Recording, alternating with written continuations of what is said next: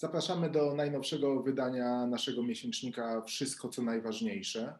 W tym roku wszyscy żyjemy cały czas pandemią. Słowo koronawirus jest słowem roku 2020, ale y, przełom stycznia i lutego pokazuje, że również roku 2020, y, również roku 2021, również w tym roku o COVID-19 będziemy mówić, będziemy żyć w rytmie, jaki on wyznacza ale to nie znaczy, że nie powinniśmy myśleć o tym, co się wydarzy po nim. To nie znaczy to, że COVID pozostanie z nami raz na, raz na zawsze. Jeżeli nie osiągniemy odporności stadnej, to uda się nam zastosować szczepionki. Jeżeli szczepionki zawiodą, pojawi się lekarstwo, bo widać, że cywilizacja idzie cały czas do przodu, że, e, że pandemia to nie tylko problem, ale również wyzwanie, to również szansa, która uruchamia nowe mechanizmy funkcjonowania współczesnego świata, uruchamiają się rezerwy rezerwy, których istnienia do tej pory nie, nie, nie, znaliśmy. Pojawiają się nowe obszary życia, które do tej pory traktowaliśmy po macoszemu, a które nagle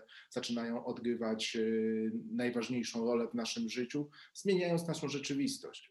I właśnie o tym jest w naszym numerze, o tym e, w najnowszym wydaniu naszego miesięcznika. Zastanawiamy się w nim, jak będzie wyglądał świat pod pandemią jakie zmiany strukturalne w ładzie globalnym, w łańcuchach dostaw, w systemach przesyłów, w połączeniach międzynarodowych zostały uruchomione w czasie tej pandemii i w jaki sposób one odcisną na swoje piętno na rzeczywistości postpandemicznej.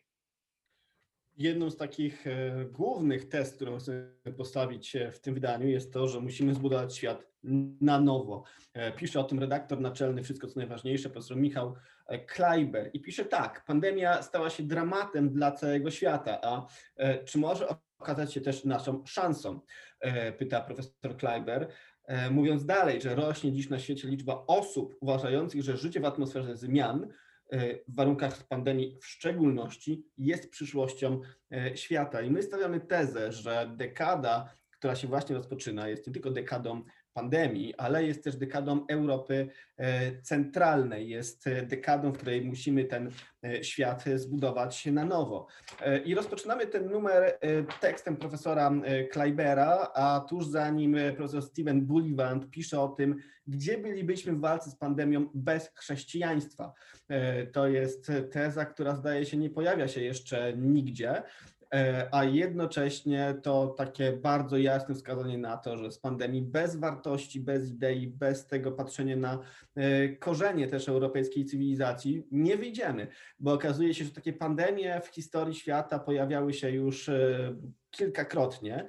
E, pandemie w starożytnym Rzymie chociażby spowodowały wielki rozkwit religii chrześcijańskiej i to chrześcijanie, to katolicy byli tymi, którzy nieśli pomoc, pomagali, walczyli z tą pandemią w najbardziej skuteczny sposób. I profesor Bolivar pisze tak, że bez rozwoju chrześcijaństwa miliardy ludzi mogło nigdy nie zaakceptować idei, że społeczeństwo powinno służyć marginalizowanym lub troszczyć się o dobro potrzebujących wartości, które większość z nas na Zachodzie przyjęła po prostu jako wartości e, ludzkie.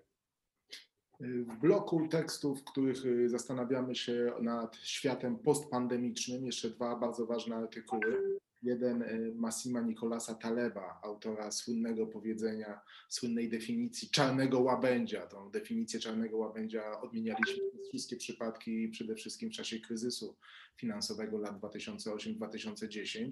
E, teraz od tej definicji w tym tekście również wychodzi e, profesor Taleb i stawia jasną tezę. Nie, Pandemia nie jest żadnym czarnym łabędziem. To jest wada systemu globalnego, jaki stworzyliśmy w ostatnich latach, jaki stworzyliśmy na początku XXI wieku. Pandemię mogliśmy przewidzieć, pandemii mogliśmy zapobiegać, na pandemię mogliśmy się zabezpieczyć, a to, że ona nas zaskoczyła, to, że ma ze sobą, niesie takie, a nie inne skutki, to jest y, grzech niedowierzania, grzech y, braku przewidywalności, jaki popełniła ludzkość jako cała i teraz ten, y, ten błąd systemowy musimy szybko skorygować, bo inaczej tego typu rzeczy, które zaskakiwać nas nie powinny, zaskakiwać będą nas bardzo. Bardzo ważny, przełomowy tekst i również drugi tekst, będący w sąsiedztwie tekstu profesora Taleba, czyli tekst Paraga Kany, znanego, cenionego, bardzo y, coraz ważniejszego analityka y, związanego z ośrodkami w Singapurze, który zwracał uwagę, sam fakt, że publikujemy jego tekst, to jest bardzo ważna, ważna zmienna pokazująca przesunięcie współczesnego świata z, z świata, który dla nas jest cały czas europocentryczny, który jest skoncentrowany wokół Zachodu. My cały czas myślimy o nas jako o Zachodzie, szeroko rozumianym jako o pępku świata, a tymczasem pępkiem świata być przestajemy. Ten y, punkt ciężkości coraz bardziej przynosi się na wschód i warto czytać również to, co piszą analitycy y, z Dalekiego Wschodu, analitycy azjatycy, a Parakana bardzo precyzyjnie punktuje i wskazuje, w jaki sposób zmieniają się łańcuchy dostaw y, współczesnego świata, jaką rolę zaczynają odgrywać kraje Dalekiego Wschodu w układaniu naszej współczesnej rzeczywistości. To są głosy, których w żaden sposób nie powinniśmy lekceważyć. Te głosy trzeba się bardzo umiejętnie wsłuchiwać, jeżeli nie chcemy być po raz kolejny zaskoczeni, tak jak zaskoczyła nas pandemia. No i w końcu e, centralny punkt tego numeru, dekada Europy Centralnej. E, ekonomiści z Niemiec, z Czech, z naszego regionu przewidują na bazie raportów, między innymi profesor Timo Bass, e, człowiek, który na końcówce zeszłego roku wydał niezwykle istotny raport dotyczący, e, no właśnie, przyszłości ekonomicznej kontynentu. Wskazują na to, że właśnie w kontekście dywersyfikowania łańcuchów dostaw tego, tych mocy produkcyjnych, tego, że tak naprawdę okazuje się, że świat bez Chin i produktów tam wytwarzanych e, nie może się w żaden sposób obyć, wskazuje na to, że ta przyszła dekada należy do Europy Centralnej. Dlaczego? Dlatego, że no właśnie te wszystkie wszystkie wartości, te wszystkie e, dostawy, te wszystkie produkty koniec końców mogą być produkowane po czasie pewnym e, w Europie, gdzie w Europie, no właśnie, e, w miejscu, w którym leży Polska, w którym leżą kraje Grupy Wyszehradzkiej.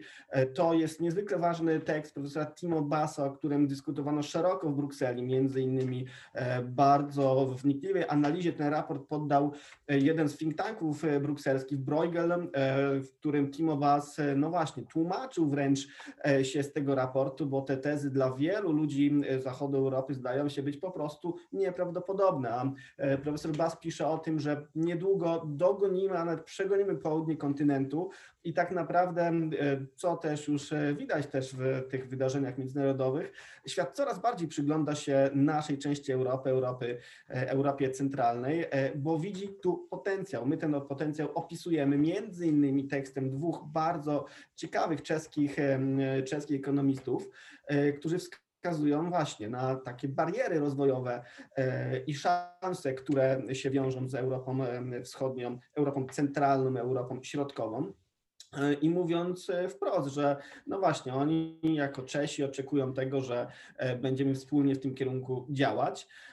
To jest niezwykle interesujący blok tekstów, poszerzający to patrzenie na świat, no bo z jednej strony Azja, z drugiej strony Zachód, między tym wszystkim Europa centralna. No właśnie, i ta dekada, stawiamy taką tezę, że ta dekada będzie należeć do Europy centralnej właśnie.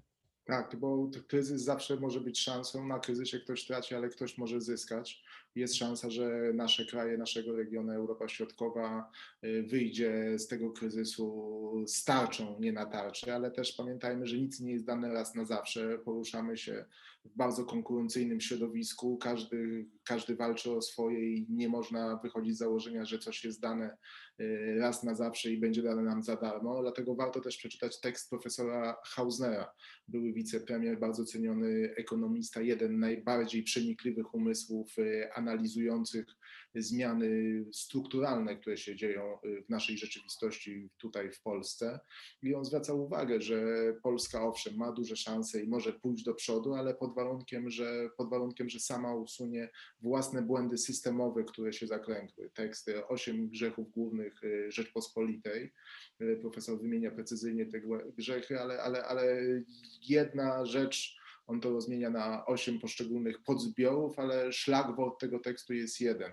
W Polsce cały czas brakuje umiejętności myślenia długofalowego, myślenia w zmianach strukturalnych, o procesach dłuższych niż jedna kadencja rządu. Jeżeli nie zaczniemy starannie planować e, procesów zachodzących w naszym kraju, zmian, które musimy wprowadzać w perspektywie średnio i długookresowej, dopóty nie mamy szans wykorzystać e, możliwości, jakie otwiera przed nami rzeczywistość postpandemiczna, zmiany, jakie wymusza kryzys na całym świecie. Może to być dla nas szansa, ale będzie szansa, jeżeli sami bardzo ciężko na tą szansę zaplanujemy, wykorzystamy możliwości, które się przed nami otwierają i usuniemy błędy profesor bardzo precyzyjnie y, wymienia, nazywając je wprost grzechami.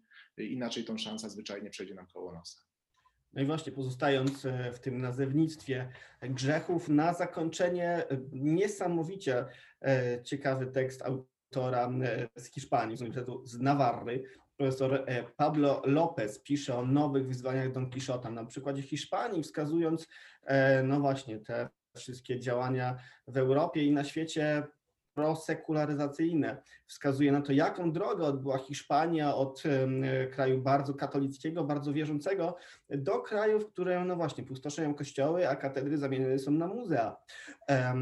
Czy ta taka dość oczywista, oczywista paralela z Polską okaże się też prorocza dla naszego kraju? Tego nie wiem. Wiem natomiast, e, co będzie w następnym numerze, do którego zapraszamy już Państwa serdecznie, bo ten numer kończymy również e, wspomnieniem, wspomnieniem zmarłego e, na ostatniego dnia 2020 roku ojca Macieja Zięby, z którym razem przygotowywaliśmy specjalny dodatek do następnego numeru Wszystko co najważniejsze, dodatek poświęcony największej pandemii XXI wieku, czyli samotności. E, W tekście wspominkowym e, wspominamy tak naprawdę to, o czym ojciec Maciej miał napisać, a Państwa zapraszamy, bo ten e, numer następny, dodatek specjalny o samotności poświęcony właśnie ojcu, pamięci ojca Macieja Zięby już w najbliższym numerze.